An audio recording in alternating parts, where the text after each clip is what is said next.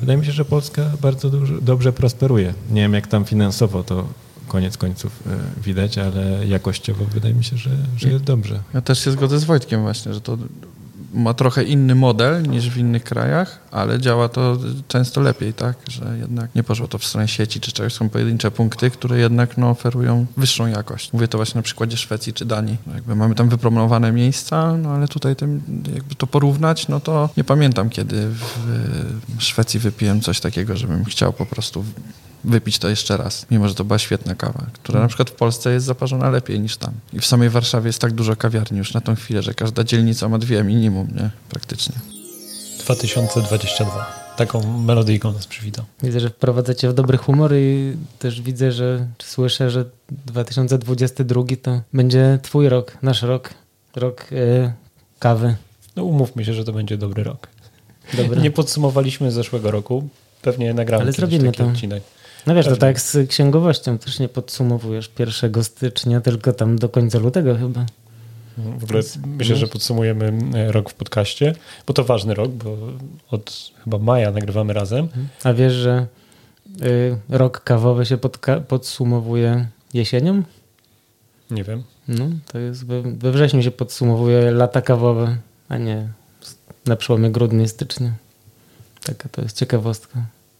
To pewnie związane z tym, że nie wiem, w wielu krajach w tym momencie się zaczynają zbiory, kończą zbiory. No musi to być jakiś taki myk, który sprawia, że jesień to jest właśnie moment na podsumowanie kawowe. No a my zrobimy sobie takie małe pewnie na, w połowie, może stycznia, może pod koniec. Dobra, a pewnie publikujemy dopiero w lutym, bo mamy bardzo dużo planów na styczeń, ale między innymi też podsumowanie roku w kawie i powiem trochę o trendach na nadchodzący rok. I to odcinek z Michałem Sitarkiem podobnie jak rok temu. Natomiast ale co teraz, dzisiaj? dziś rozmawialiśmy z dwoma doświadczonymi młodymi mężczyznami z kawowej branży, Wojtkiem Białczakiem i Kubą Poręckim. Kubą Poręckim, tak jest. Wojtek na co dzień mieszka z rodziną w Berlinie. I pracuje jako head roaster, czyli główny palacz w e, palarni, znanej lubianej palarni Five Elephant.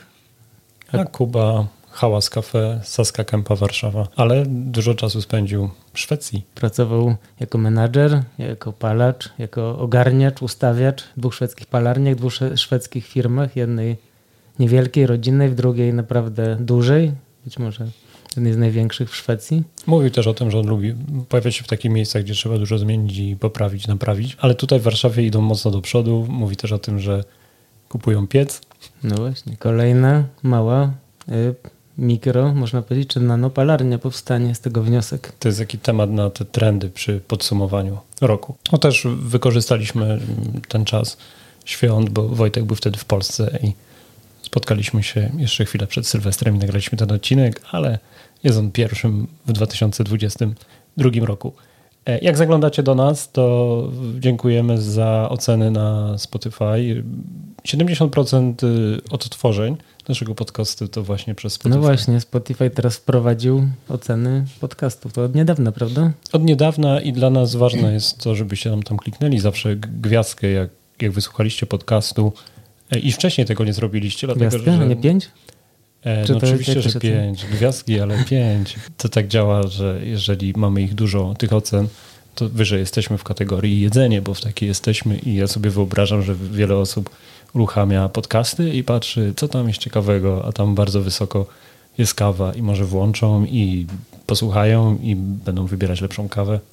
No, fajnie. A jeżeli jest, słuchacie tego y, zaraz po premierze, czy na, y, przedpremierowo wręcz, to znaczy, że jesteście naszymi patronami na, y, z Patronite'a, bo i na tej platformie jesteśmy, patronite.pl łamane przez podcast do kawie i możecie nas tam wesprzeć. E, dzięki Waszemu wsparciu możemy podróżować, możemy na, częściej nagrywać, możemy zwiększać nasz park maszynowy. Teraz dokupiliśmy na nowy, jeszcze jeden mikrofon, więc możemy nagrywać e, cztery osoby bez problemu. No i nasi patroni dostają link do, do podcastu kilka dni przed y, wszystkim innym. Śledźcie nas też na Instagramie. Mm, pytania, które padły w tym odcinku pochodzą od osób, które wpisały w komentarzu te pytania, także bądźmy w kontakcie. Mm, zaglądajcie na stronę Podcast o kawie, tam również poprzedni odcinek y, z Kofedem, który nagraliśmy, jest też do poczytania. sporo zdjęć, dużo gromadzimy, dużą bazę mamy i liczymy, że w tym roku zaskoczymy Was wykorzystaniem tych materiałów. To co, zapraszamy do wysłuchania rozmowy. Wojtek Białczek, Kuba Poręcki. Zapraszamy. Być jak barista, część druga i być może nie ostatnia.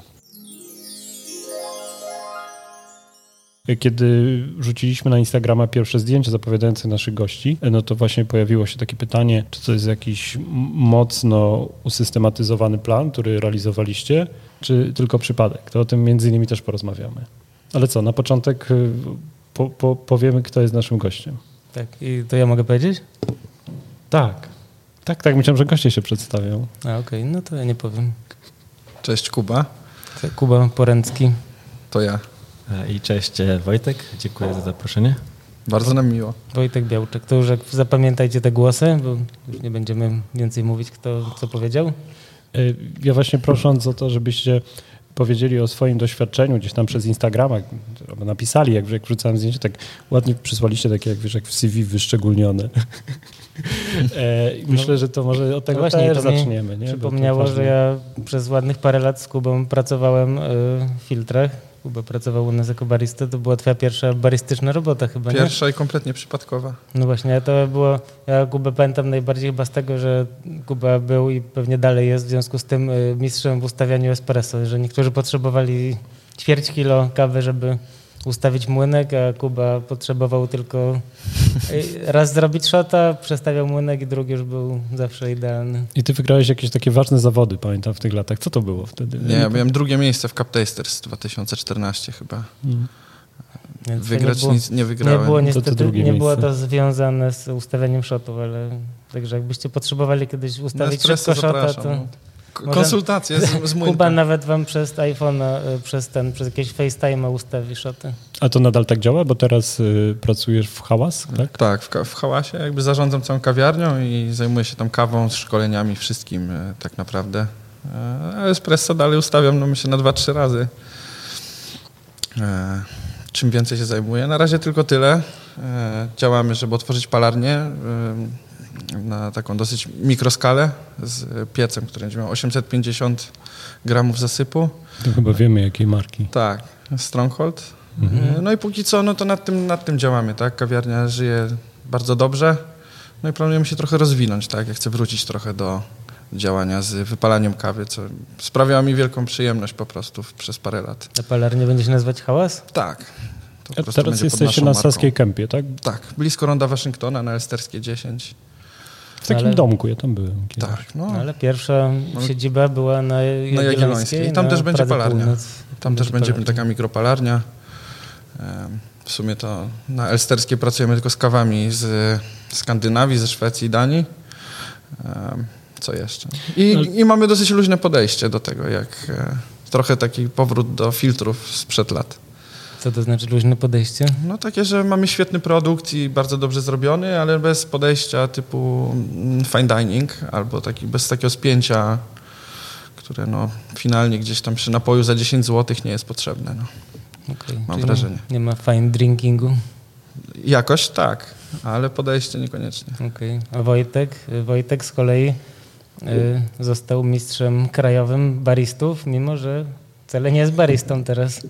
To jest dosyć ciekawa. Tak. E, dokładnie tak. Ja nie parzę kawy na co dzień, ale wydaje mi się, że te zawody baristów to też nie są do końca dla baristów. Nie trzeba być baristą. Wydaje mi się, że aktorzy mm. czasami lepiej by wyszli niż e, bariści w tych zawodach. Chciałbym zobaczyć e, Borysa Szyca jako startującego w, tych zawodach. Ty zostałeś mistrzem Niemiec. mistrzem Niemiec baristów w zeszłym roku, nie, dwa lata temu. Dwa, to było dwa lata dwa temu, lata temu. 2019 rok. I byłeś też finalistą Mistrzostw Świata, które się odbyły w Bostonie w tymże roku. Tak. No i właśnie słyszeliśmy przed nagraniem, że y, planujesz kolejny start.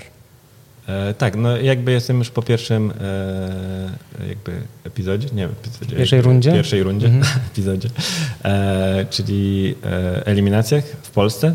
W, ty, w, tym roku startuję w Polsce e, i w, w lutym będą finały, w których będę startował. Więc zobaczymy, jak tam pójdzie. No to jest ciekawe. To... Wydaje mi się, że konkurencja w Polsce jest jednak nieco większa. Co z drugiej strony myślę, że to dobrze. Mhm. A czy będziesz sobie sam palił kawę, rozumiem, tak? Tak, tak. e, Bo zawsze. to musimy powiedzieć, że Wojtek jest teraz y, head roasterem, szefem palarni y, w Berlinie. w. Szefem, szefem to dużo powiedziane, Mhm. ale odpowiadam za palarnię, jestem menadżerem palarni i e, szefem jest mój szef nadal. Okej. E, Czyli, no, czy, no dobra, czyli menadżerem palarni Five Elephant w y, Berlinie. Berlinie, która też y, ma już, jak powiedziałeś, ile, ile macie kawiarni? mamy palarnię plus e, cztery kawiarnie Cztery kawiarnie. i jeszcze jakby e, piekarnię, gdzie robią ciasta. To są U, jakby, fajnie. czyli w sumie to sześć lokali. A Wojtek zaczynał również jako barista, tylko że w Ministerstwie Kawy, tak? Chociaż ty byłeś pierwszą osobą, która mnie zatrudniła, ale poszedłem do Ministerstwa Kawy, bo oni też mnie zatrudnili wtedy. Na francuskiej pamiętam. E, e, Byłem na rozmowie o pracę z tobą i, i w końcu wziąłem tą drugą pracę wtedy. I ty byłeś pierwszą osobą, która mi dała kawę z filtra. Nie ty ją parzyłeś, ale ktoś tam, ktoś tam ją parzył. I to był pierwszy raz chyba w życiu, jak piłem taką kawę. No to dobrze, dobrze że wybrałeś ministerstwo tyle, że francuska się zamknęła, a ministerstwo dalej działa. Więc... No, prawda? Konrad, jak to się wtedy, który to był rok w ogóle? Nie wiem, 2014 może? Ja- Jak ty docierałeś, jak ty znajdowałeś takich ludzi, że, wiesz, że takie hi- historyczne Czy jakieś nie, no to momenty, chyba nie? ogłoszenie po prostu gdzieś w jakichś e, socjalach i Ja, ja nawet nie z ogłoszenia, po prostu składałem CV chyba do trzech kawiarni złożyłem, bo po prostu wcześniej pracowałem w jakichś sklepach, e, bo studiowałem e, i chciałem zmienić e, styl pracy, bardziej chciałem pójść w gastronomię, zobaczyć jak to będzie. a to jeszcze nie był moment, kiedy pomyślałeś, że kawa będzie twoim życiem i karierą. Nie, nie, nie, nie. ja nie piłem kawy wtedy, więc, więc zupełnie nie. Mhm. E, Śmiesznie było, e, jak właśnie zacząłem koniec końców pracować w tym ministerstwie i jeszcze tam był Piotrek Markowski, który już się wynosił zaraz do Londynu i jak on mi tłumaczył, e, jak tampować na przykład, to mówi, no bo jak będziesz startował kiedyś w zawodach, to tam będą patrzyli tacy sędziowie techniczni. Ja mówię, co, jakby, jakie zawody? Ja to w ogóle studiuję, to jest tylko praca. No patrz, No, i to się i, tak i potoczyło. 7 lat później, czy ileś No. zostałeś mistrzem kraju baristów i naprawdę musiałeś zapewne ró- bardzo równo t- nauczyć się tampować. Dokładnie, dokładnie w końcu. Te lekcje dały, dały coś mi. E, Tak krótko uporządkujmy, e, zaraz wrócimy jeszcze Kuba do, e, do tego, co, co, robiłeś właśnie pomiędzy filtrami a hałasem, ale Wojtku, e, pierwsza praca to Ministerstwo Kawy, później wyjechałeś do Berlina, czy, czy jeszcze Znaczy, w Polsce pracowałeś? Jeszcze, jeszcze w, e, równolegle z ministerstwem troszkę pracowałem w kawiarni dwóch takich. To było na... Starówka gdzieś tam. Tak, ta, przy, na krakowskim. E, ale to tak było raz w tygodniu, to byłem zatrudniony tylko, żeby, żeby im tam trochę pomagać. Potrzebowali jakiegoś baristy powiedzmy z doświadczeniem, chociaż teraz myślę, że nie miałem wcale jakiegoś super doświadczenia. Ale no, wtedy byłem właśnie po to zatrudniony. I jeszcze w cudach na kiju troszkę pracowałem jako niby barista, ale potem te zmiany były tak nudne, że wolałem być na wieczory, gdzie się coś dzieje jednak. Mm, Ja to też I lałem- ciekawe, że lałem cu- piwo. Cuda na kiju, czyli taki warszawski sławny multitap piwny, Mhm. Przez który się przewinęło naprawdę dużo wytrawnych baristów. Ale tam chyba Sławek Saran odpowiadał za kawę, prawda? Na, E, po, cudach. na początku samym to już był Miłosz, No Miłosz, Krakowskiej, tak, który jest do teraz. Ale tam E, forum robiło chyba pop-upy swoje, z tego tak, co a pamiętam, forum, i a forum cuppingi. miało takie pop-upy chyba. Nie tak, wiem, no to jest bardzo ciekawe. po To, to też chyba pokazuje, po pierwsze, że kraftowe piwo i taka rzemieślnicza, kraftowa kawa mają wiele wspólnego, a pewnie z drugiej strony też pokazuje, że bariści lubią No, się to, napić. to, ta przyjaźń cudów z piwa. ministerstwem też wynikała kiedyś z tego, że e, jak e, to spotkanie ze szpiegiem, ta pierwsza taka malutka miejscówka Mhm. z e, piwem rzemieślniczym przy To samym kolei, ministerstwie tak, przy kawy. Ministerstwie kawy przy Placu Zbawiciela, zaraz za kościołem. Dokładnie. Ci Ja nie wiem, jak oni to załatwili, przecież to było tak blisko wejścia do kościoła. Absurdalne, ale, ale działało, no. I ci właściciele później otworzyli te cuda na kiju, więc znając ludzi z ministerstwa, no to automatycznie jakby ta przyjaźń gdzieś tam kawy z piwem no, e, rosła, rosła. I myślę, że cały czas żyje. No. Miłosz, Miłosz dalej tam pracuje. No tak, no ale to za ile kolaboracji jest takich piwno-kawowych, prawda? No, No to prawda. Kraftowe piwo z kawą to jest coś super Nawet my popularnego. żeśmy robili przecież No, z Funky Fluid. otóż to. No dobrze, czyli jesteśmy, y, jesteśmy Jeszcze w. Warszawie jesteśmy, nie? Jeszcze jesteśmy A, w Warszawie. tak, tak, tak, tak. tak. E, zapomniałem, że mówimy o mnie. E, stresuję się. Ja podobnie się spociłem. Em, To ta lampa, w chłopak. takim razie byłem w tym ministerstwie w cudach i e, od początku jakiejś mojej kariery kawowej, nazwijmy to, e, półtora roku później Sławek Saran z Ilonką, e, w tym momencie też Saran, wyjechali do Berlina pracować w Barnie em, na wakacje. To byli ze dwa czy trzy miesiące i wtedy jeszcze oni, Sławek był headbaristą w ministerstwie i po powrocie em, jakiś czas e, Ralf, czyli właściciel e, The Barn, e, odezwał się do Sławka i się zapytał, czy ma kogoś do polecenia po prostu do pracy, bo szuka i Polacy są tacy super, że on chciałby jakiegoś tam Polaka może znowu. No i Sławek się mnie zapytał, czy bym chciał i ja mówię, jasne, nigdy nie byłem w, w Berlinie, ale tak. I, I zostałem zaproszony e, na rozmowę o pracę, więc pojechałem tam na dwa dni i po tej rozmowie dali mi e, miesiąc na przeprowadzkę, jeżeli chcę. I, no i tak to się stało, nie miałem żadnych zobowiązań, więc... e, Czyli ty że- byłeś o tyle komfortowej, nazwijmy to sytuacji, że byłeś człowiekiem z polecenia, pojechałeś na chwilę, porozmawiałeś i Dokładnie. dostałeś nie, pracę nie szukałem tam pracy, tylko już pojechałem na, nazwijmy to, na gotowe. I, I też miałem łatwiej, ponieważ e, wasz poprzedni gość e, Błażej Stępin też pracował akurat w Barnie, więc mogłem się zatrzymać z nim. Chociaż go nie znałem za bardzo wcześniej, ale właśnie też Sławek mnie z nim skontaktował i przez pierwszy miesiąc z nim mieszkałem, szukając mieszkania i, i tak to się zaczęło. Miałem dosyć łatwy start, nazwijmy to. No i po, po jakim czasie trafiłeś do tej sekcji palenia kawy, nazwijmy to? No to już No bo było- zacząłeś jako barista szeregowy. Tak, tak, oczywiście. Zacząłem po prostu jako barista, pracowałem w tym małym barnie, potem łapałem też jakieś zmiany tam w palarni i za barem, chociaż czego nie lubiłem za bardzo, bo tam strasznie duża e, przestrzeń, ciężko się pracuje, w małym barnie wszystko pod ręką, więc było dużo Bo łatwiej. ten duży bar, to przypomnijmy, że takie, było takie miejsce, gdzie sta, był i bar, i piec, i ten słupek sławny betonowy, Tak. który I blokował przejazd dla wózków. Część espresso i część filtrową Mhm. i tam były trzy różne e, metody parzenia na filtrach, po dwie, dwie, jakby dwa urządzenia z każdej metody. No i takie dosyć wymagające miejsce, bo to taki bardziej showroom. No, ale wracając do, do palenia, e, to po dwóch latach stwierdziłem, że odejdę stamtąd, ponieważ e, się dowiedziałem, że moja żona jest w ciąży. I, I tak po prostu stwierdziłem, że jak teraz jakieś zmiany nie poczynię, to, to pewnie tego nie zrobię. Ale byliście już tam razem w Berlinie, mieszkaliście tak z żoną? E, Po roku ona się przeprowadziła tam.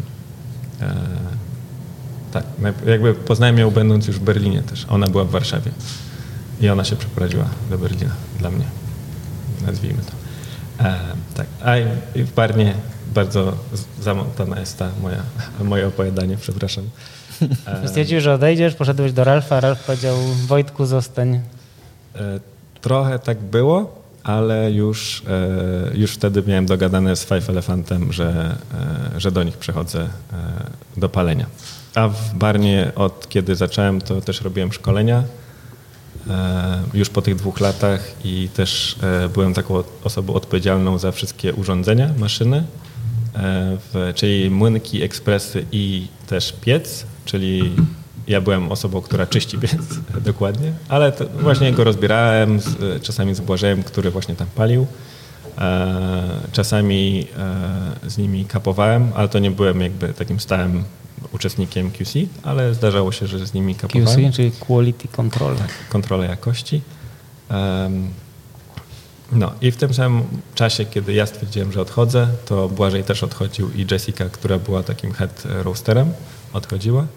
Ojoj. Czyli wszystkie takie, znaczy ja nie uważam się, że byłem jakąś tam bardzo ważną osobą, no ale jakby dwóch palaczy, czyli Błażej i Jessica odchodzili i w tym momencie też Ralf chciał zaproponować mi palenie, ale już miałem dogadane e, z Five Elefantem i tak naprawdę już tam chodziłem się douczać raz w tygodniu e, po kryjomu. E, Bo miałem trzy miesiące wypowiedzenia, a oni potrzebowali kogoś na już Five. No dobra, czy jesteśmy już w twojej najbli- najświeższej obecnej pracy, to zróbmy teraz... y, Ale wiesz co właśnie, bo ten odcinek staramy się, żeby też y, służył e, jakąś pomocą osobom, które rozważają taką podróż i drogę zawodową. No wiemy to po tej pierwszej części, bo też takie wiadomości tam dostajemy przez Instagrama czy, e, czy przez, przez Facebooka. E, I Wojtek powiedziałeś coś takiego, że Ralf y, prosił o jakieś polecenie, Sławka prosił o jakieś polecenie z Polski, bo miał dobre doświadczenia mm, z współpracy z Polakami. Dokładnie. E, To pewnie parę lat minęło, ale tak z twojego doświadczenia, e, to, to rzeczywiście tak jest, że Polacy są dobrze widziani w pracy jako, jako bariści. Wydaje mi się, że tak. U nas też, nie wiem czy wspomnieliśmy, my mamy cztery kawiarnie i w dwóch z nich menedżerami są Polacy, Polki w zasadzie, obie e, dziewczyny. E, I wydaje mi się, że większość Polaków, którzy, którzy pracują w Berlinie albo nie wiem, z którymi przynajmniej ja miałem styczność oczywiście, to, to są dosyć odpowiedzialni. Też mam, jak się przeprowadziłem do Berlina, to miałem takie, znaczy miałem takie oczekiwania, że pójdę do tego Barna i to będzie takie na, na przykład jak zacząłem w Ministerstwie Kawy, to wszyscy tam po prostu startowali w zawodach. To było tak, takie grupa ludzi, którzy wszyscy są zajarani kawą. No i ogólnie miałem takie przeświadczenie, że w sensie nie przeświadczenie, ale doświadczenie w zasadzie, że większość Polaków baristów to oni się naprawdę interesują tą kawą, e, prawda? I to jest ich prawie że życie. A jak się przeprowadziłem do Berlina, to jednak większość osób tam to traktuje bardziej jako, e, jako praca i nie wiem, tam jest dużo Australijczyków, e, dużo osób z Wielkiej Brytanii, ale oni przez to, że to jest tak tam spopularyzowane, oni to traktują, mają dobre doświadczenie i dobrze pracują, ale traktują to bardziej jako pracę. A Polacy jednak e, przez to, że oni tacy są zajarani tą kawą, że tak powiem, to dają trochę się więcej, mam wrażenie. Dlatego No to pewnie też zależy od miejsca, gdzie się pracuje, prawda? No bo w barnie pewnie pracują ci bardziej zajarani, a w sieciówkach czy w jakichś takich kawiarniobarach lokalnych No pewnie tak, mogą tak, pracować ale- całkiem zwyczajni gastropracownicy z Polski, prawda? No jasne, jasne. Takich za bardzo nie znam, więc Mhm. ciężko mi No też właśnie. o nich mówić. E, No ale właśnie miałem takie e, przeczucia, że, że to będzie taka mekka kawowa po prostu, a, a tak nie było. Bardzo szybko się okazało, że ja jestem jednak osobą, nawet po takim krótkim doświadczeniu w kawie w Polsce, to byłem jednak osobą bardziej doświadczoną albo taką bardzo e, szybko uczącą się, bo po prostu chłonąłem tą, tą wiedzę i to, co się tam dzieje. E, I wydaje mi się, że to też pomogło mi e, dosyć szybko się wspiąć po tych szczeblach. No i co ci tak otworzyło głowę, to że pracowałeś y, w Wa- w Warszawie w takim środowisku Wydaje mi się, że tak. Zajawkowym. No i też ja sam szybko zacząłem startować w jakichś zawodach. Startowałem w Brewersach w Polsce, jeszcze będąc. Potem jeździłem na tych Brewersów do Polski.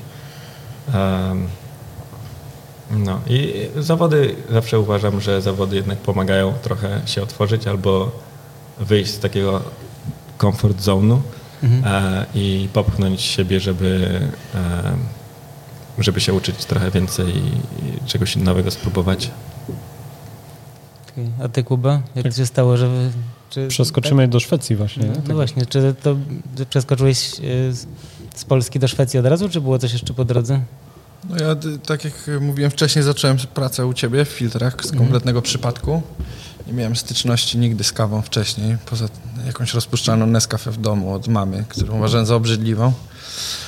E, No i tam po kilku latach w filtrach e, stwierdziłem, że fajnie było coś zmienić. Dostałem też ofert, ofertę pracy, żeby uczyć się palić kawę w nieistniejący już palarni Coffee Brand pod okiem e, Konrada Oleksaka. Mm, No i tam przez dwa lata tak naprawdę... No właśnie, to jest ciekawe, bo na półkach, mam wrażenie, na półkach w Coffee cały czas kawy z napisem Coffee Brand są, Nie wiem, może to kwestia jakichś umów starodawnych albo tego, że zostały te paczki i trzeba je zużyć, nie mam pojęcia. musimy kiedyś przeprowadzić dziennikarskie śledztwo, Paweł. Musicie, Tak, już musi, rozmawialiśmy musicie spytać nie? Konrada, no ja... Nie, no żartuję oczywiście. No dobra, faktycznie był Coffee powiedzieć, Brand i w tak. Coffee Brandzie byłeś już e, człowiekiem od wszystkiego, prawda? Już tam tak, y, od szkoleń po, po pracę czasem na barze, ale głównie no, byłem produ- production roaster, roasterem, e, quality control managerem, że tak To powiem. powiedz, czym Pakowałem się też zajmuje. Production Roaster? No generalnie Konrad dawał mi taski do wypełnienia, tak? Muszę wypalić, nie wiem, 200 kilo tej kawy, tego, tego, tego, w ten dany sposób. Ja nie ustalałem profilu na początku, tak? I nie Czyli head roaster ustala, jak kawa będzie wypalona, production roaster ma Po palić zgodnie z ustaleniami, no. zgodnie z profilami, zgodnie z tym, jak Przynajmniej e, jest tak, tak to zaplanowane. wyglądało tam. Mhm. E, No, pewnie wszędzie tak jest, podejrzewam. E, No więc tam, tam sobie po prostu uczyłem się całego, że tak powiem, rzemiosła palenia kawy i całej pracy palarni. No i po, po jakimś czasie też odezwał się do mnie Charles Coppi, e, żebym... Miałem wtedy dwie oferty pracy. No Jedna ale jak to była- się odezwał? no, znaliśmy się już po. Od, od, no, to też bliska grupa znajomych, e, która tworzyła wcześniej te mistrzostwa Aeropress. Właśnie Sławek e, z Iloną, z Miłoszem, e, Wojtek też w tym był, ludzie z ministerstwa. E, wtedy jakby ta liczba baristów zajawionych kawą była dosyć mała. Więc wszyscy byli dosyć blisko ze sobą, Kawa tak? z kopii była używana na mistrzostwach w Aeropressie, Tak. prawda? Wtedy, kiedy organizowało je forum. Mhm. I wtedy, I wtedy Charles przyjechał do Polski. Tak, pierwsze Poznaliście się się pozna- na piwku pewnie w e, jakimś szpiegu. Dokładnie. I jakby No, przerodziło się to w taką dosyć bliską przyjaźń tak naprawdę. Ja tam przyjechałem parę razy ich odwiedzić po prostu tak do Helsingborga, e, spędzić z nimi czas, niekoniecznie... To powiedz właśnie dwa słowa o, o, o tej palarni, bo mm, wiesz, pewnie słuchacze nie znają mnie. Kopi. No, są pewnie tacy. Mm, No dosyć y, już nie, nie młoda palarnia, ona ma nie wiem, dw- 12 lat, czy, czy nawet więcej na, na szwedzkim rynku, tak? No taki... Tekturowe pudełeczko i pistacjowa torebka w środku. Nie, to drop. To drop. A no właśnie, to drop. A to, To czy A ma jak? torebki? Kopi ma takie prostokątne z dużym napisem, Zawinięte, takie zawinięte. Białe chyba. Tak, prawda? białe z napisem no jasne. takim dużym i różnymi kolorami pod tym napisem, tak? I zawsze z tyłu były zaklejone e, nalepką z e, uśmieszkiem takim jak A, no e, Acid. Tak, tak, tak, tak, tak, tak.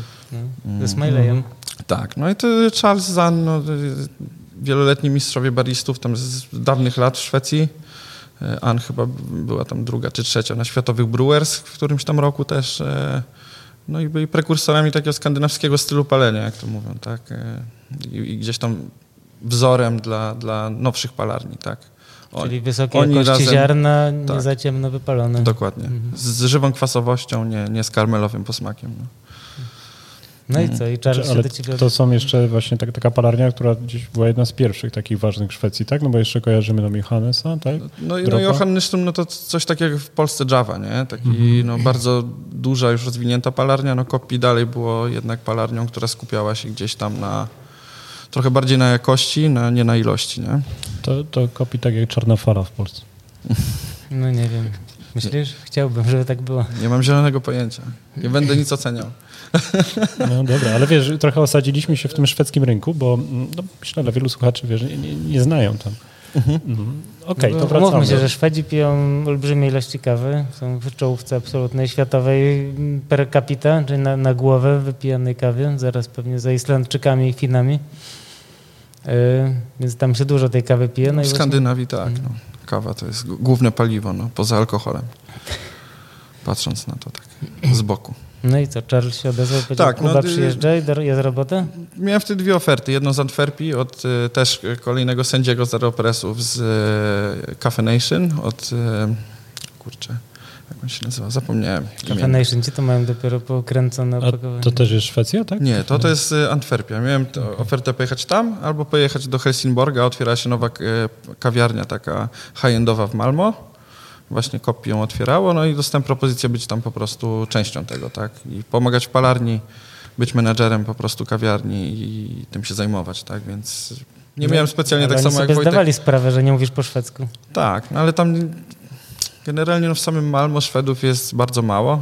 To jest taki Berlin północy, bym powiedział.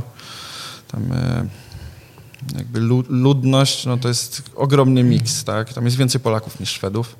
Ludzi z Dolnej Erytrei jest jeszcze więcej. e, Po prostu no, wszelki miks. Australijczycy, Brytyjczycy, no każdy, tak? Okej, czyli A to nie przeszkadzało, że będziesz menadżerem kawiarni, który nie mówi po szwedzku? Nie, no, E, Chyba jeszcze podobnie jest w Berlinie, że tam ten niemiecki nie jest tak istotny, prawda? No dokładnie, ja mieszkam tam ponad 7 lat i nadal nie mówię po niemiecku, więc myślę, że e, to jest jakiś wyznacznik tego. No, ja może. po dwóch latach może zdanie jestem w stanie powiedzieć, ale to też tak e, Po szwedzku? po szwedzku, no. Jestem w stanie przeczytać składniki na produktach, tak? Mhm. Że to nie, ja tylko mamy- mówię o tym, że wiesz, no, że bycie k- menadżerem kawiarni to jest jednak o tyle bardziej skomplikowany interes, że musisz, nie wiem, wiesz, zadzwonić do hydraulika, zamówić mleko, coś tam i... Tak, no ze Szwedami jest o tyle ty, prosto to, to robić, że tam nawet na, najstarsza osoba zna angielski perfekcyjnie praktycznie, bo to uczyli się tego w szkołach, tak? I Szwedzi mają taką przypadłość, że kochają mówić po angielsku, tak? No chyba, że trafią się coś rasiści, który po prostu im to nie pasuje, że ja, Mhm. nie wiem, jestem tu miesiąc i nie znam szwedzkiego. No to Ale- pewnie nie chodzą na kawę. No, ale gener- generalnie no, z każdym da się dogadać, tak? Że to jest takie multikulturowe bardzo miasto i sam kraj mimo wszystko, no to ten angielski to jest prawie no, że narodowy język, nie? W Malmo przynajmniej. No dobra, czyli zostałeś, wylądowałeś nagle w, y, jako menadżer kawiarni w, No mieście, do którego pierwszy czy tam drugi raz przyjechałeś w życiu, tak? Tak. No Nie miałem żadnych zobowiązań, tak jak Wojtek e, wcześniej, mówię, spakowałem się i nie minął miesiąc i byłem w Szwecji, tak? Ty tak. przyjechałeś do miejsca, które się miało otworzyć, czy ono właśnie się Tak, ono się otwierało dwa tygodnie po tym, jak ja tam przyjechałem, tak? Więc Czyli tam miałeś chwilę też, żeby tam się...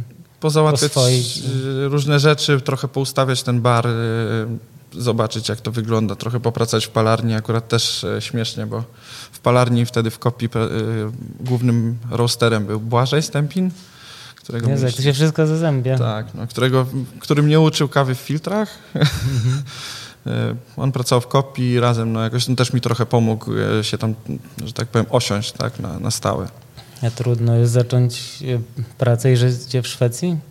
To jest takie formalnie skomplikowana Myślę, sprawa? że dosyć tak.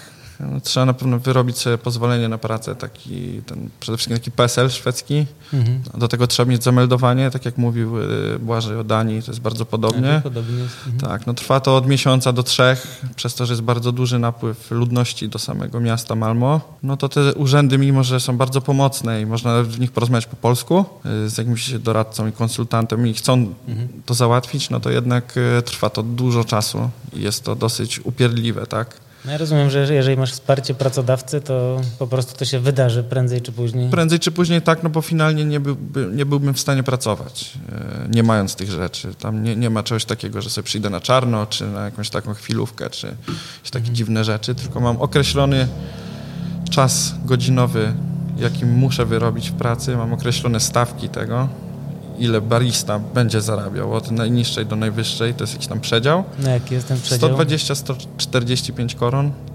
Menadżer ma tam od 130 do 160. Jak koron za się ma godzinę. na polskie pieniądze teraz? Korona ma 45 groszy, no to jakieś co, 100, 140 koron to jest jakieś 6 dych, 65 może. 65 godzinę? zł za godzinę, Mhm.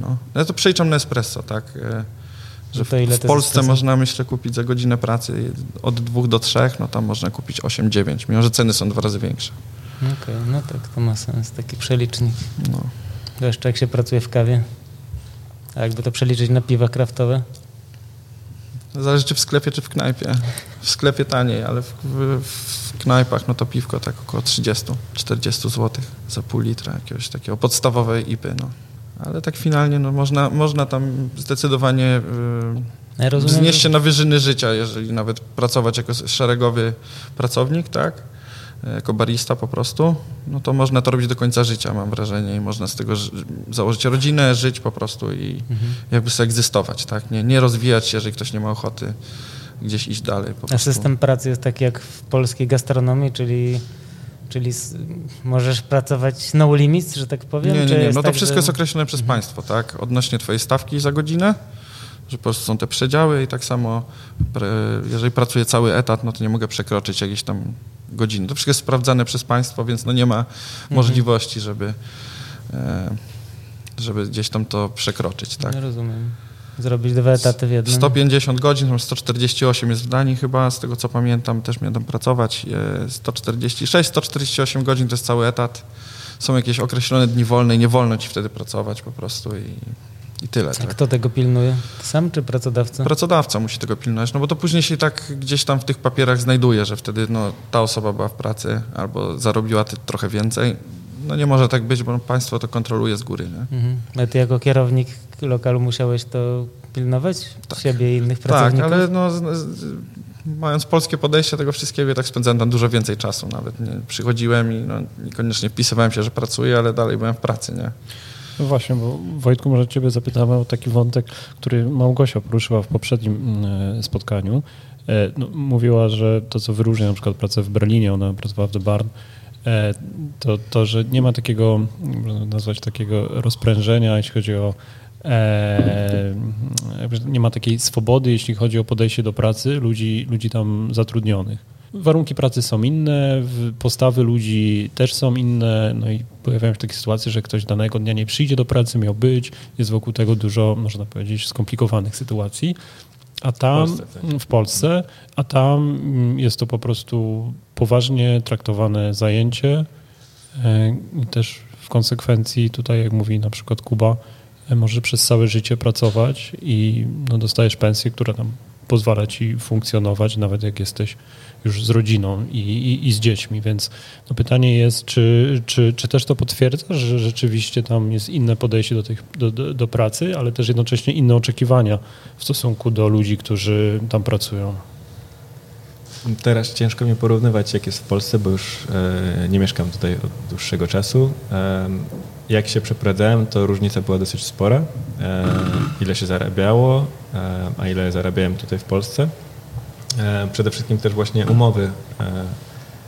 W Polsce można było nie mieć w ogóle umowy, albo to była jakaś taka bardzo naciągana umowa, która nie dawała żadnego ubezpieczenia, nic takiego, a w Niemczech jednak jest tak, że startuje się, ta e, minimalna stawka godzinowa w tym momencie to chyba jest około 10 euro za godzinę, 10,50 może nawet.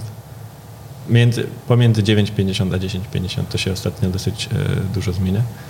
E, często się zmienia. I w tym jest ubezpieczenie oczywiście. Ma się urlop płatny, co też to była bardzo miła zmiana. No i tak, no wiadomo, no jak się ma umowę, ma się grafik postawiony i, i jednak jest się bardziej zobowiązanym, żeby przyjść do tej pracy i, e, i być e, bardziej odpowiedzialnym oczywiście. E, się to, no nie wiem, ja tak miałem, że na początku myślałem, że to będzie też tak bardzo, ta stawka wydawała mi się taka ogromna, ale oczywiście tam było też trochę drożej. Mieszkania też nie są aż takie tanie, chociaż teraz w Warszawie też się robi dosyć drogo, więc myślę, że to się wyrównuje a stawki nadal są, wydaje mi się, trochę wyższe. Chociaż, tak jak mówię, nie wiem, jakie są stawki w Warszawie, czy tam w Polsce ogólnie. Mhm. Ciężko Czyli powiedzieć. Ty jako człowiek y, z rodziną, tak rozmawialiśmy o tym, człowiek z, z dwoma młodymi obywatelami y, w domu. Hmm. Myślisz, że ktoś, kto chciałby myśleć o wyjeździe, nawet, nawet tu mówię w cudzysłowie, żeby pracować w kawie, co nie jest uznawane w Polsce jeszcze pewnie za zawód taki przyszłościowy i zawód, w którym można zrobić karierę, w którym można się rozwijać, to nawet mając rodzinę w Niemczech można po prostu z tą rodziną mieszkać i zarabiając w kawie. Wydaje, wydaje mi się, że tak. E, z tym, że no dla mnie też, tak jak powiedziałem wcześniej, dla mnie było ważne, żeby jednak e, się ruszyć z tego miejsca pracy, w sensie nie z miejsca pracy, ale z pozycji baristy, bo jednak na przykład w palarni się trochę więcej zarabia, e, więc e, szczególnie jak teraz jestem już właśnie tym head roasterem, to też stawki są trochę inne. Więc e, w moim wypadku na pewno tak. Mhm. Moja to, są, to jest tak, że to są stawki, y, że ty negocjowałeś, czy to jest wszystko też ustalone jakoś mm, związkowo, czy państwowo? Nie, nie, nie. Ja, ja negocjowałem. Mhm. To jest nadal taka dosyć, nie jest taka nowa firma, ale nadal to się wszystko tam mhm. e, zmienia. No rozumiem, bo o ile jest ustalona stawka minimalna, nie ma tak, że na każdym stanowisku jest jakaś nie, nie, pensja nie ma, nie ma państwowo ustalona. Mhm. Ale myślę, że jak się ktoś by chciał przeprowadzić i oboje, na przykład nie wiem, rodzina z dziećmi i oboje rodzice by tam pracowali, to, to na pewno nie ma problemu z jednym. W naszym wypadku ja głównie pracuję. Justyna e, w tym momencie siedzi oczywiście z naszym młodszym synem. Macie dwójkę dzieci. Tak, dwójkę i nasz młodszy syn ma 9 miesięcy, starszy 5 lat, więc on chodzi do przedszkola. E, no a młodszy pewnie za rok jakoś pójdzie do przedszkola, więc ona będzie znowu bardziej wolna, żeby móc też trochę pracować. Ale to jest tak, że pracując, no tak jak rozmawiamy w Five Elephant, jesteś w stanie utrzymać e, czteroosobową rodzinę w Berlinie? Tak tym momencie, w tym momencie tak. Więc no na pewno to jest przyjemne, bo też jak zaczynałem w kawie, to moi rodzice, moja babcia, jak rzuciłem też studia dla kawy, to nie byli zadowoleni mhm. i nie widzieli zupełnie przyszłości. A teraz jednak to się zmieniło i, jednak e, widzą, że mhm. to jednak miało sens i, i, już mi nie dokuczają, nie, nie męczą mnie. Mhm. A jak to się stało, że tak szybko, no bo jednak chyba to szybko się wydarzyło, że od przejścia do tego Five Elephant y, doszedłeś do bycia headroasterem. Wydaje mi się, że to była taka Tak, y, jak, windą wjechałeś szybko do góry. Jak dokładnie. To było też e, szczęście. Wydaje mi się, że zawsze w takich pozycjach e, e, jest, zawsze trzeba mieć trochę szczęścia. Zawsze ktoś musi jednak szukać e, tej osoby do palenia. A tutaj wiele razy się przewija ten wątek, bo tak, tak jak ty, ty opowiadałeś, Sławek daje sygnał, że tam Ralf szuka, tutaj mówisz o tym, że Czarcie, no. czarcie. Ej, nagle No to pytanie, znaczy, znasz czarsa? No, ale one też jednak gdzieś przychodzą, znaczy one się pewnie nie dzieją bez powodu, bo, no bo gdzieś jesteście w tym towarzystwie, prawda? Tak, wydaje mi się, że na pewno bycie w towarzystwie zawsze pomaga, rozglądanie się. W moim przypadku przejście do Five'a to było związane z tym, że oni nie zapytali się mnie, czy ja chcę, tylko ja też e, będąc w Barnie też czasami odwiedzałem naszych klientów, którzy byli w Berlinie i odwiedzając e, jednego dnia e, jedną kawiarnię, która była niedaleko palarni Five'a, spotkałem dziewczynę, która akurat pracowała tam w palarni, w tym miejscu. Ona tam poszła na lunch i się zapytałem, czy, czy może akurat nie szukają kogoś do palarni, bo ja tak myślałem. I ona, a wiesz co, bo w sumie to tak, to chodź teraz ze mną i, i sobie pogadasz z tym naszym headroasterem teraz. Więc okej, no czy poczekaj, czy poszedłeś pracować tam jako taki właśnie production roaster, jak Kuba mówił o, sobie, tak? Tak, na początku to była e, taki właśnie to był pomysł, e, a jak podpisałem już umowę, to Patryk, który wtedy był właśnie headroasterem, jak, jakieś parę dni po podpisaniu i już moim, moim przejściu się zwolnił. Więc mieliśmy właśnie trzy miesiące Czyli na na to, żeby głęboką wodę zostałeś rzucony. wszystko, wszystko mi przekazał e, bez doświadczenia w paleniu. Chociaż właśnie chodziłem już tam przez jakieś dwa czy trzy miesiące do nich raz czy dwa razy w tygodniu palić. Mhm. Ale to było takie, że No i jak sobie z tym poradziłeś? No bo Five Elephant wtedy nie miał co prawda czterech kawiarni, pewnie tylu klientów co teraz, no a to nie była sporo m- mikro, już. mikropalarnia, jaką musiałeś skoczyć chyba nagle w buty człowieka, który musi wypalić kilkaset kilo kawy tygodniowo, prawda? Tak, Czy- no i w buty człowieka, który jakby bardzo był już e, rozpromowaną też postacią. I To Patrick Rolf, tak, z Aprila? Tak, który, który teraz ma April e, w Kopenhadze. A, to ten Patryk Mhm, był. A, właśnie z nim okej. pracowałem. No tak, no to I gwiazda pierwszej wielkości, można dokładnie. powiedzieć. Na początku oczywiście to mnie trochę zaskoczyło i się zest- zestresowałem. Em, Ale z drugiej strony no, do, dostrzegłem w tym wszystkim taką okazję, prawda? To było, to było dla mnie super i po jakimś czasie zacząłem oczywiście tam samemu jakieś profile zmieniać, ale na początku to robiłem wszystko to, co, co było ustalone i korzystałem z profilów, które mieliśmy i, i bazowałem to na wszystko. wszystko Na tym, co, a co klienci zauważyli, to jakby coś mówili, czy to w ogóle przeszło tak nie, wiesz, wydaje mi, się, gładziutko? że, wydaje mi się, że było dosyć gładko. Mhm. Przynajmniej nic do nas nie dotarło takiego.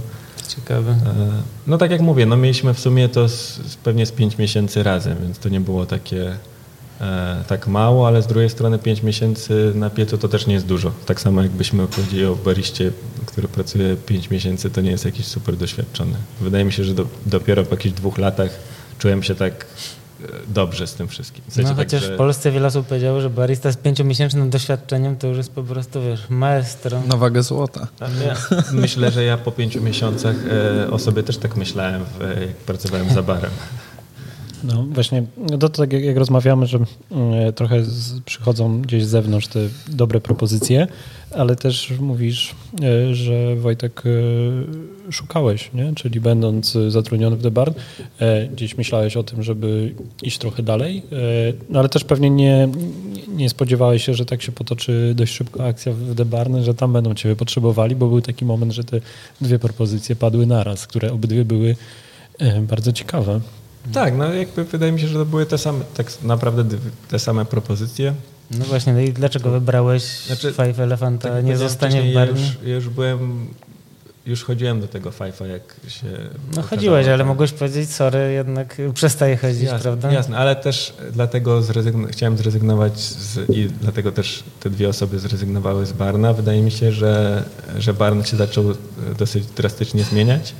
E, bardziej to szło w kierunku e, nie ilości, ale no bardziej zaczęli patrzeć na pieniądze, weszły nowe osoby e, do, do firmy, menadżerowie, którzy zaczęli kierować firmy bardziej w, w stronę pieniędzy niż jakości. Zauważyliśmy, że to nie jest to samo i przynajmniej mi to trochę przeszkadzało.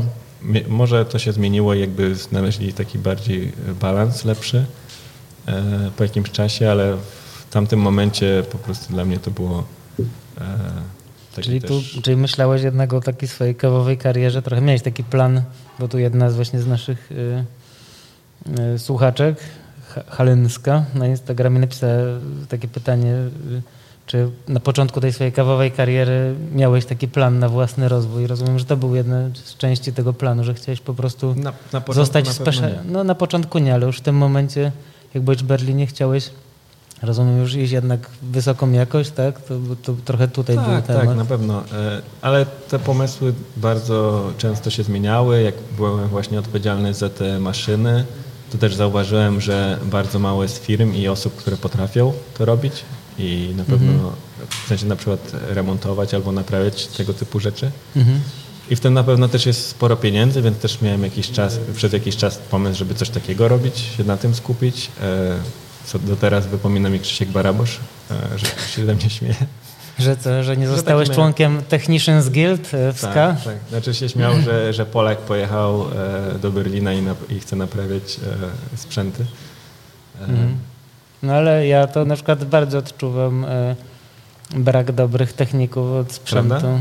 Więc e, na pewno e, nadal ma, jest to tam gdzieś z tyłu mojej głowy, ale od kiedy przyszedłem do palarni, to jeżeli myślę o jakichś zmianach, jeżeli by miał jakieś nastąpić, to chciałbym dostać w tym w palarni albo przy produkcji na pewno.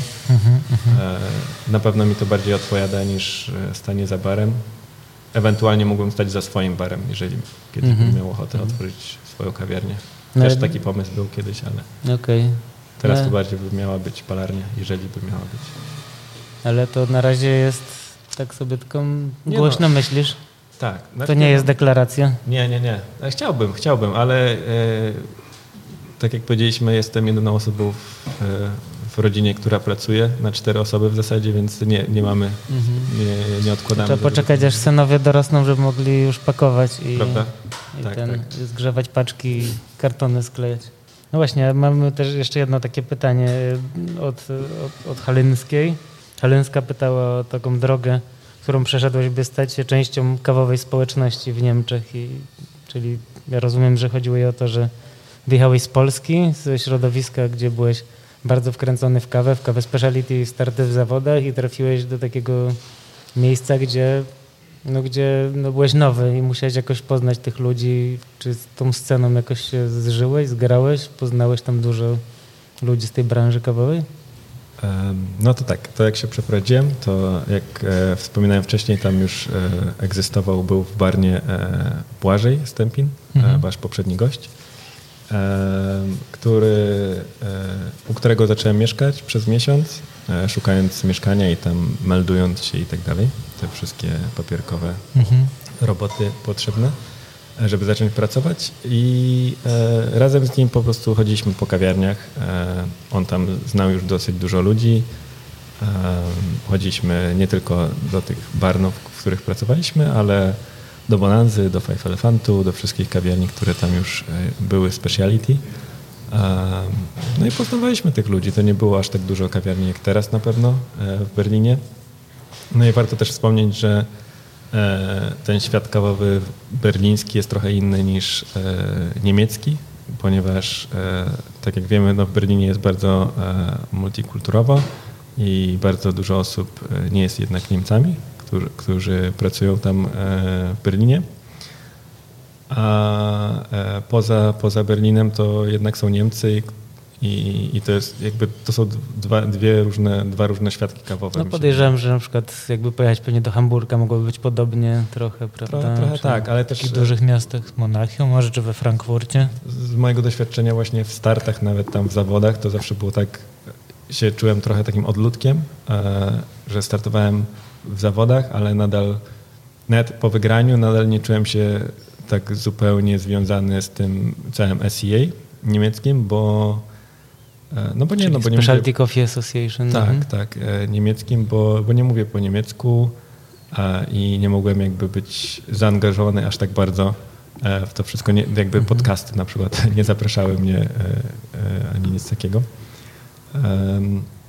No więc, no tak, wydaje mi się, że zawsze tak jest. że Jeżeli się chce być częścią tego świadka, no to trzeba, trzeba jednak poznawać ludzi, trzeba chodzić po tych kawiarniach. Mhm. No pe- pewnie też ze względu na to, że masz rodziny, małe dzieciaki stosunkowo, no to też pewnie jednak nie jest tym tak, momencie- że spędzasz W tym momencie już czasu. na pewno jest e, inaczej. Ja już nie chodzę tak często po kawiarniach. E, Błażeja też poza tym nie ma, to nie mam z kim.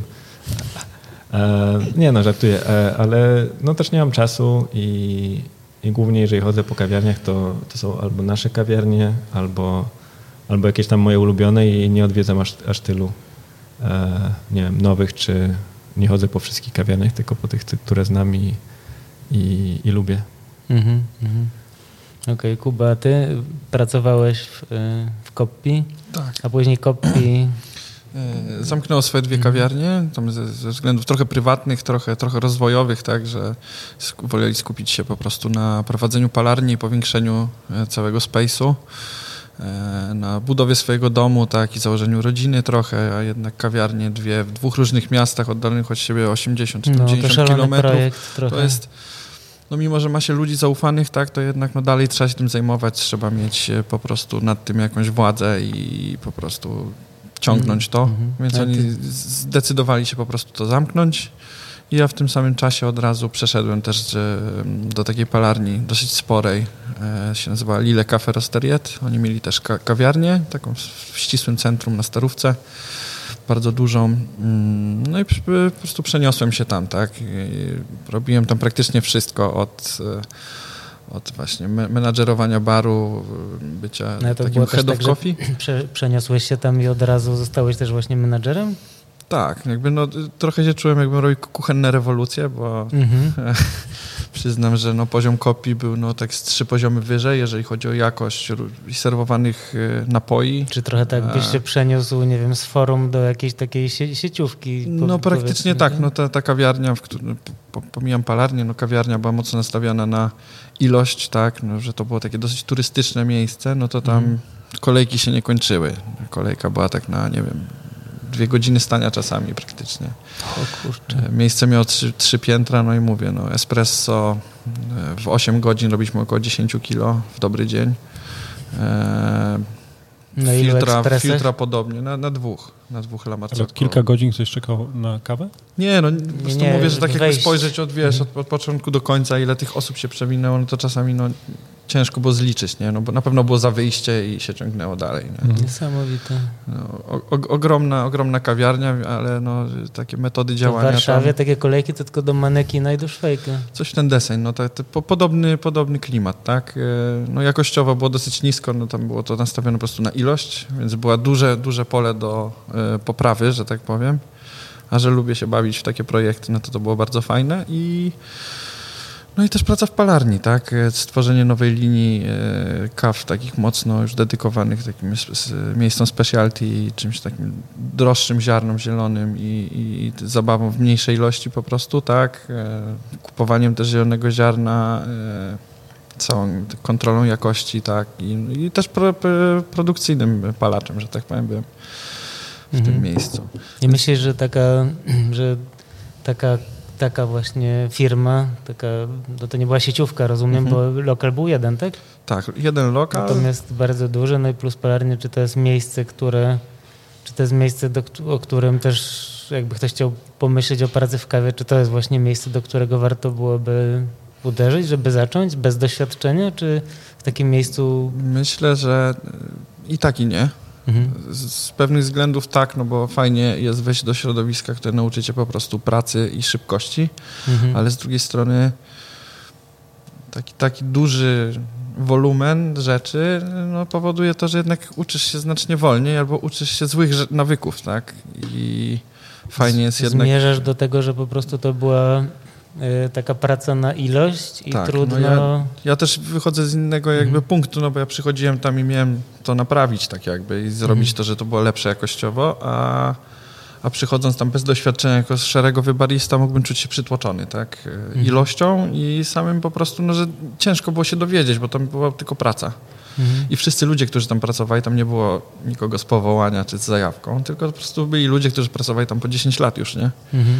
I pojęcie o kawie mieli naprawdę, no naprawdę żadne. Takimi tak? gastrorobolami, nazwijmy to. Mimo, że mhm. właśnie palarnia była prowadzona przez Filipa Ackerbluma, który e, założył to Roasters Guild of Europe i tak dalej, e, to on był jednak skupiony trochę bardziej na całym tym ska, na prowadzeniu tego w Szwecji, na, na, na swojej palarni, a kawiarnia no, przynosiła no, świetne pieniądze, wydaje mi się, no bo jednak... No tak. A czy w takich miejscach zarabia się tak samo jak w takich miejscach z górnej półki? Tak. Czy tak, to jest... czy... Nie, to jest dokładnie to samo i niestety, znaczy stety, niestety, no po prostu w Szwecji czy w Danii są określone widełki na dane stanowisko, tak? Mhm. Barista będzie zarabiał między takim a takim, mhm. e, taką kwotą. Tak samo, nie wiem, śmieciarz czy, czy pani, która sprząta, będzie zarabiała zawsze tyle samo mhm. w tych widełkach, tak? Może to robić lepiej, gorzej, no ale to już e, tam pracodawca, powiedzmy, definiuje czy będzie to 120 koron, czy 130, ale to będzie dalej w tych e, widełkach. I nie można tego przekroczyć. Mhm. No jak to się stało, że z takiego miejsca mm, szaleńczo ruchliwego wręcz trafiłeś do takiej świątyni spokoju, jaką jest hałas nomen, omen. Jeszcze, jeszcze przez forum przeszedłem, no. ale to mm, no, brakowało mi takiego kontaktu z ludźmi, takiego po prostu skupiania się trochę na produkcie, takiego luzu. No bo umówmy się, że no w takim e, miejscu jak Lila Cafe Rosteriet, w kawiarni zwłaszcza, y, no to kontakt był żaden. Ja tak naprawdę no, siedziałem za ekspresem i ci, robiłem kawę, nie? No tak, coś takiego jak Kamil opowiadał, że siedzisz w tym Bostonie, w tej kawiarni No to po prostu byłem skupiony na, kawą, kawą, na robieniu drinków i, mhm. i, tyle, nie? Y, a tutaj no, mam czas pogadać, też mam wrażenie, że Polacy są trochę bardziej otwarci na rozmowy w ogóle, takie inne niż small talk, taki dwu, dwuzdaniowy. No i to, to, to zawsze mnie jakoś tam pociągało w tej pracy, mhm. że można sobie porozmawiać, wypić coś y, no naprawdę dobrego ze skupieniem. Jak no. co pewien czas zajrzę do hałasu, to właśnie zostaje za barem i zwykle jest tak, że z, kimś rozmawiasz właśnie. No, w forum też tak było, ale, stałym bywalcem. ale tam też jednak był trochę większy ruch, więc e, no nie zawsze tak to wyglądało, tak, ale no jednak tutaj w tych obu kawiarniach już w Polsce, no to, to skupienie na jakości było myślę najważniejsze i zresztą no, patrząc po forum, no to widać e, kto to prowadzi, kto tam pracuje, jak to wygląda. Więc. No tak, patrząc właśnie na te rynki, na, na polski rynek albo właśnie rynek niemiecki czy, czy szwedzki, zauważamy, że palarnie stają się też taką siecią kawiarni. Five Elephant, cztery kawiarnie. E, jakby, jak myślisz, z czego to wynika, że jakby idą w stronę otwierania własnych lokali z kawą? Znaczy, zacznijmy od tego, że obie te e, palarnie, o których wspominamy, Barn i Five Elephant, wywodzą się najpierw z kawiarni, potem stały się palarniami. Kurczę, no jakby jest coraz więcej palarni i wszystkie walczą o tych samych klientów, więc wydaje mi się, że ma to sens, żeby stawać się po prostu swoim własnym e, klientem i nie musieć e, o tych klientów walczyć, jeżeli jest taka możliwość. Czyli wypalasz dla siebie i Dokładnie, no, jakby, jakby omijacie ten problem, żeby, e, że się boisz, że na przykład e, jakiś klient, który zamawia od ciebie 20 kilo kawy tygodniowo, powiedzmy, nagle cię zostawia i, i idzie do kogoś innego.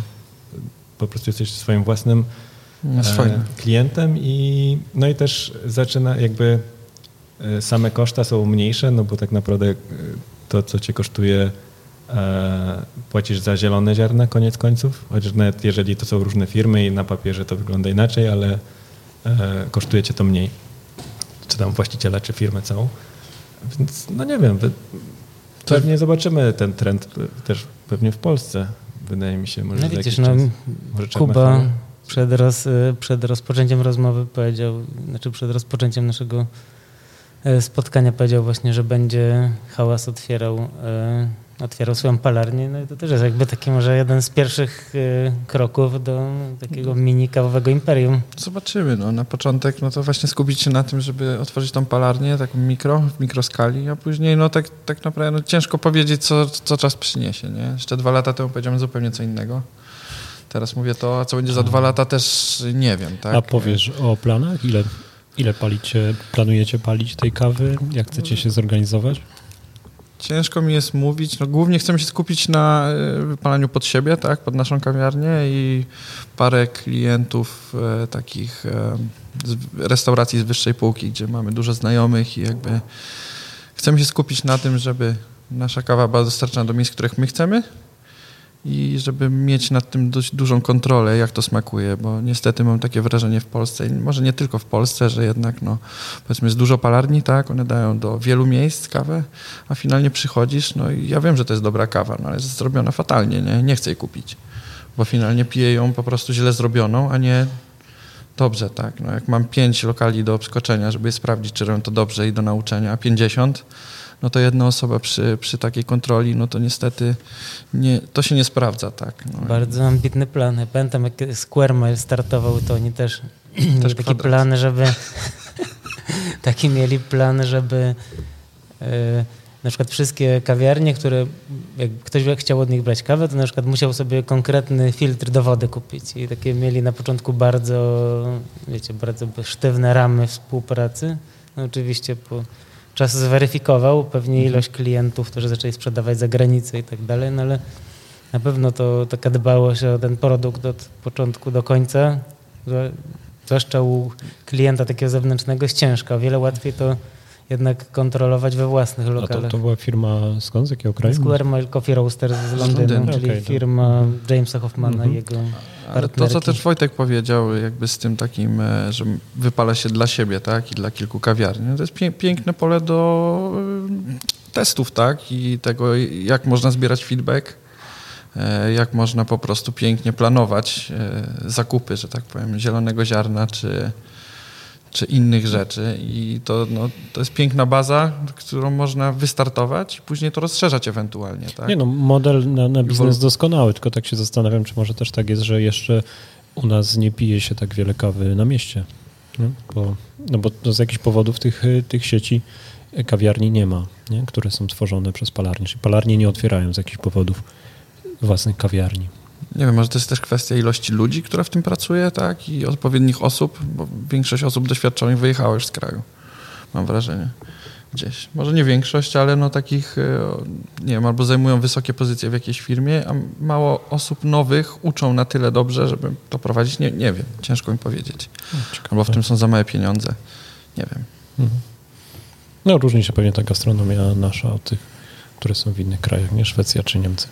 Ale wydaje mi się, że i tak co jakiś czas, ja jestem z Warszawy, więc często tutaj e, staram się być, e, wracać e, i wydaje mi się, że Warszawa bardzo dobrze i szybko goni jednak.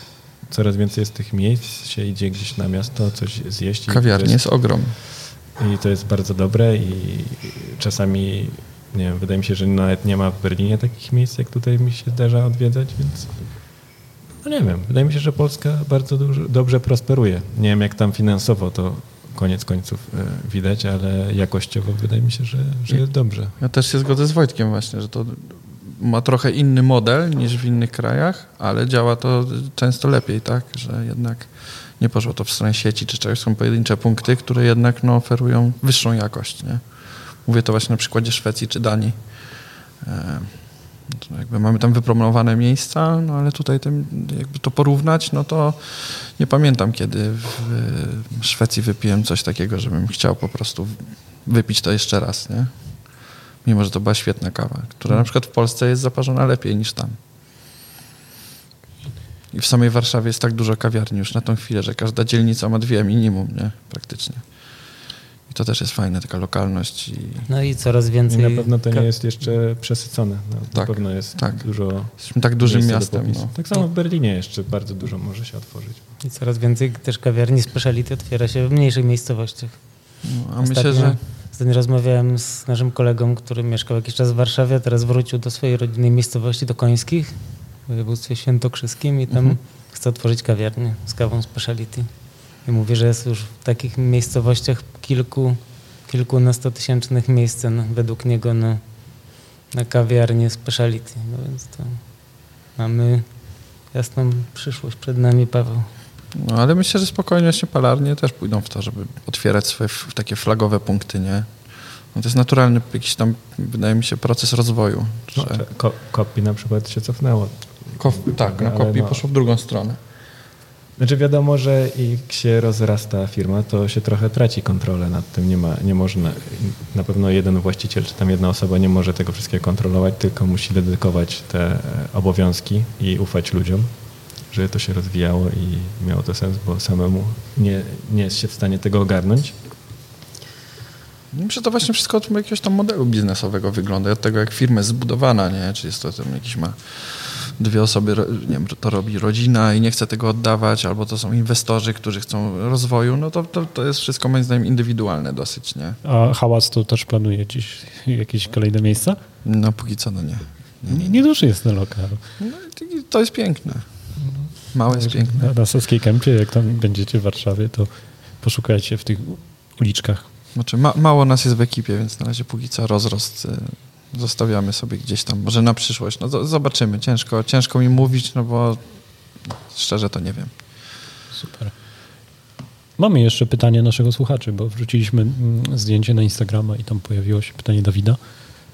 Pojawiło się pytanie Dawida, tak, ale pytania Dawida są bardzo e, niszowe i nie wiem, czy nie powinniśmy ich zostawić na taki specjalny bonusik, który... Dawid nie ma QC przypadkiem teraz?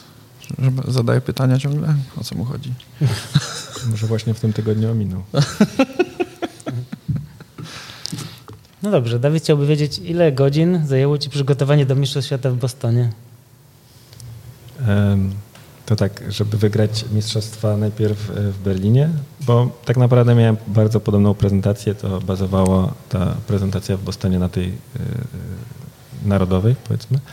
E, to tak dużo wcale czasu nie poświęciłem, żeby to zbudować, bo mieliśmy chyba trzy tygodnie od czasu, kiedy zaczęliśmy cokolwiek robić do startu w Niemczech. A w międzyczasie paliłeś kawę?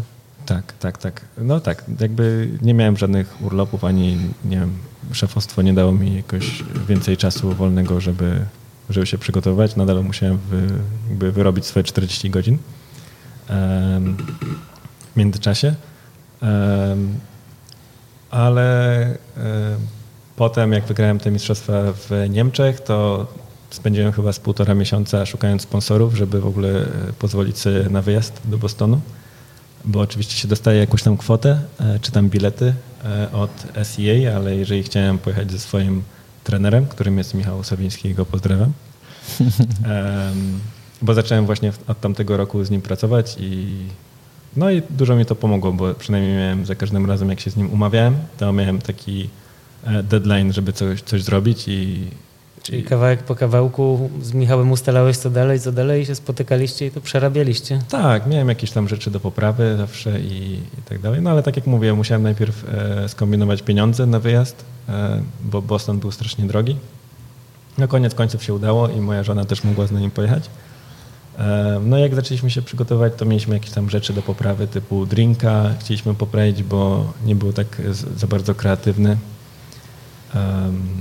I no właśnie, to od razu tutaj a propos drinka, Dawid chciał też wiedzieć, skąd wziąłeś inspirację do tego signature drinka, czyli tego napoju dowolnego na mistrzostwa. Mm, już za bardzo nie pamiętam, co tam było. Pamiętam, że tam były chmiele, które bardzo chciałem użyć, myślałem, że to będzie fajny składnik, bo e, tak jak pewnie dużo osób e, waszych słuchaczy lubię sobie wypić dobre piwko, e, więc chciałem użyć no, tak, o tym już mówiliśmy. Mhm. amerykańskich chmieli i e, skończyło się na tym, że po prostu je parzyłem wcześniej i dawałem aromat e, po prostu psikając do, do, do tego drinka. Więc aromat był taki bardzo fajny, tropikalny ale też e, w niemieckich baristach używałem cukru, żeby podbić słodycz e, w drinku i stwierdziliśmy, że ten mój drink nie jest wcale taki kreatywny, więc e, przynajmniej może jakiś składnik będzie kreatywny i poszliśmy do takiej gwiazdkowej restauracji w Berlinie, która się nazywa Koda i oni się specjalizują właśnie w deserach i przedstawiłem im tego drinka mojego i się zapytałem, co by tam może poprawili i oni robią desery, ale nie używają zupełnie cukru, a ja tam właśnie dodawałem syrop cukrowy i powiedzieli, że mógłbym to e, na parę sposobów e, zamienić ten, ten cukier na, na coś innego i skończyło się na tym, że używałem amazakę, czyli to jest fermentacja ryżowa, którą się używa przy produkcji sake. Więc to jest taki coś bardzo słodkiego, takie powiedzmy mleczko, które zostaje właśnie przy, po fermentowaniu ryżu. I... Ale jeszcze nie jest z alkoholem. Nie, jeszcze, jeszcze właśnie bez alkoholu. I ma taki posmak lekko ryżowy, ale, ale jest bardzo słodki, więc używałem tego. I chyba to bardzo tak e, zostało zapamiętane w zasadzie z mojego drinka, z tego co... No to świetny pomysł, żeby zrobić taki zwiat, porozmawiać z ludźmi, którzy którzy są jakby z innej branży trochę. Tak, tak, ale jakby właśnie też oni, jak im powiedziałem tylko co, co tam dodaję, to oni, o nie, nie, nie, jakby my tu cukru nie używamy, więc e, to, to powinniście zmienić, bo reszta to jest ok. I no i właśnie tak to, tak to się skończyło, więc oni nam pomogli i nam też e, dali kontakt do, do ludzi, którzy takie rzeczy robią w Berlinie. E, no i od nich też braliśmy to amazakę, nie robiliśmy sami. E, no i tak e, tak to było. No a ile godzin? Odpowiadając na pierwsze pytanie, to, to sporo, ale też nie wydaje mi się, że to było aż tak dużo. Starałem się robić, nie wiem, z jedną czy dwie prezentacje dziennie. Czy to było samemu? Michał tak, myślę, wydaje mi się, że przyjeżdżał tak co drugi, trzeci dzień do nas, mhm. do palarni. Um, no i bardzo dużo mi dało to, że e, robiłem swoją prezentację przed ludźmi, bo zawsze od kiedy zacząłem pracować z Michałem, to właśnie musiałem przynajmniej przed nim albo przed kimś innym robić tę prezentację, a wcześniej nigdy tego nie robiłem, bo się wstydziłem i, i potem pierwszy raz robiłem przed ludźmi już na zawodach, więc tak się stresowałem, że potem e, przekraczałem czas, minutę na przykład albo... E, więc jeżeli ktoś chce startować w zawodach, to polecam robić prezentację przed ludźmi. To bardzo pomaga. No tak. Dawid chciałby jeszcze wiedzieć, czy Scott Rao ma rację. Ma. Odpowiedź brzmi ma. To teraz będzie gwiazdka i powiemy Scott Rao to jest taki, no nie wiem, papież palactwa kawy trochę, taki współwłaściciel palarni, trener, znany na całym świecie, taki podróżujący, nie wiem jak to nazwać, taki ustawiacz trochę palarni, chyba tak go można nazwać, no taki, jak byście nazwali, jakbyś nazwał Scott Rao, wy mieliście, miałeś do czynienia z nim osobiście, no był w waszej palarni? E, tak, Jest był... takim doradcą po prostu, jak ustawić, zorganizować palarnię, palenie kawy? E, e, wydaje mi się, że tak, że można go po prostu wynająć, czy to online. Teraz widziałem, że robi jakieś takie szkolenia, można kursy sobie u niego wykupić.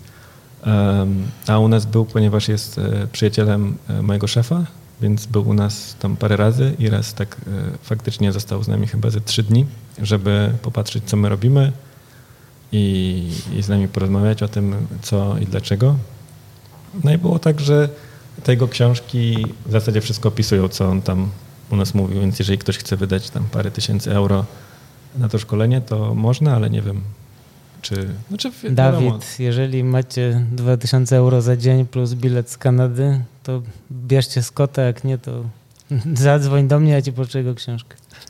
Znaczy, nie no, wiadomo, jakby fajnie, fajnie, było, e, fajnie było z nim pogadać i tak dalej, ale to, co jest w książkach, to jest już większość, a potem trzeba to dostosować pod swoją palarnię, bo wiadomo, te wszystkie e, pomysły i tam rozwiązania e, dobrze od nich wystartować, ale mm. zawsze trzeba to doszlifować pod siebie i pod swój sprzęt. Tak nie, no jasne, sobie tutaj robię podśmiechujki, no ale oczywiście to jest zupełnie co innego mieć Scotta na miejscu, no bo po prostu może popatrzeć nie dość, że na twój workflow, to spróbować twoich próbek, spróbować próbek twoich, twoich próbek z tobą i no to jeżeli, porównanie dokładnie. doświadczeń jego z setek palarni na pewno jest bezcenne pod tym względem. No i jeszcze on się skupia też na workflow w kawiarniach, nie tylko w palarniach, więc y, to też jakby u nas też było częścią tego, e, tego jego odwiedzin, tak powiem. No spotkaliśmy się, żeby trochę popowiadać też osobom, które myślą o pracy tej branży, bo to już idziemy szeroko, myślę, poza zawodem baristy. Co z waszego doświadczenia, co byście powiedzieli tym, którzy dopiero są na początku i myślą o mm, też pracy za granicą albo gdzieś tak szerzej? Myślę, że trzeba y, przede wszystkim chcieć zmieniać y, siebie i otoczenie dosyć często i być takim dosyć otwartym w tym środowisku w ogóle. E, I no, czym więcej doświadczeń, no to tym szersza wiedza, tak? I w pewnym momencie znajdzie się miejsce, do którego, w którym chce się zostać na dłużej, tak? Ewentualnie to da jakiś taki pogląd na to, co, co zrobić później, czy otworzyć swoje miejsce, czy, czy pójść głębiej do jakiejś innej palarni, czy robić to tak, a nie inaczej, tak mi się wydaje. Czyli otwartość i zapał. Mhm. E, Tutaj na początku brzmiało rzeczywiście to, że dużo się dzieje przez kontakty. Ktoś kogoś gdzieś spotyka, zaprasza, właśnie, to jest- pyta. To jest ważne też, nie? Mieć jest trochę szczęścia też w tym. E, To na tak. pewno.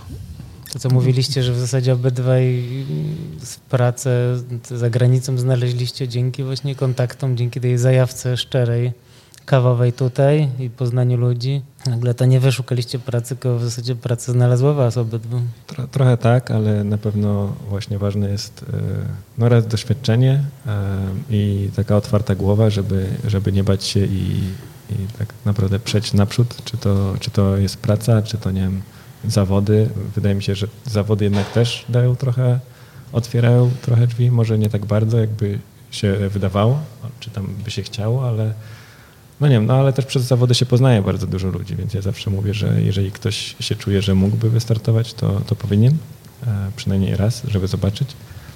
Em, No i przede wszystkim się poznaje wtedy ludzi i chodzić do kawiarni, nie wiem, podróżować, e, rozmawiać z ludźmi na pewno, to pomaga. A i też chciałem powiedzieć, bo cały czas o tym myślę, a się boję, że zapomnę, to, to jeżeli ktoś myśli o wyjeździe na przykład do Berlina, to teraz jest na pewno dobry moment, bo z tego co się orientuję, to bardzo dużo kawiarni e, ma braki i, i szuka, e, szuka ludzi. Wydaje mi się, że też e, podwyższają stawki przez to, więc jeżeli ktoś chce, Trzeba być dobrym, Mhm. żeby dostać pracę. no na pewno lepiej być dobrym niż słabym. No nie wiem, no.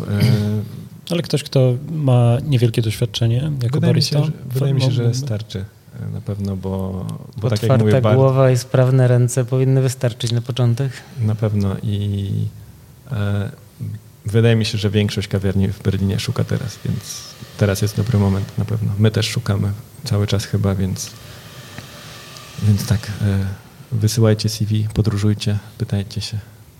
E, Nie wysyłajcie do mnie tylko, bo ja się tym nie zajmuję. Niech zajawka płynie, no. Prosto z serduszka. Hołk. Ej, to dziękujemy. Dziękujemy wam bardzo.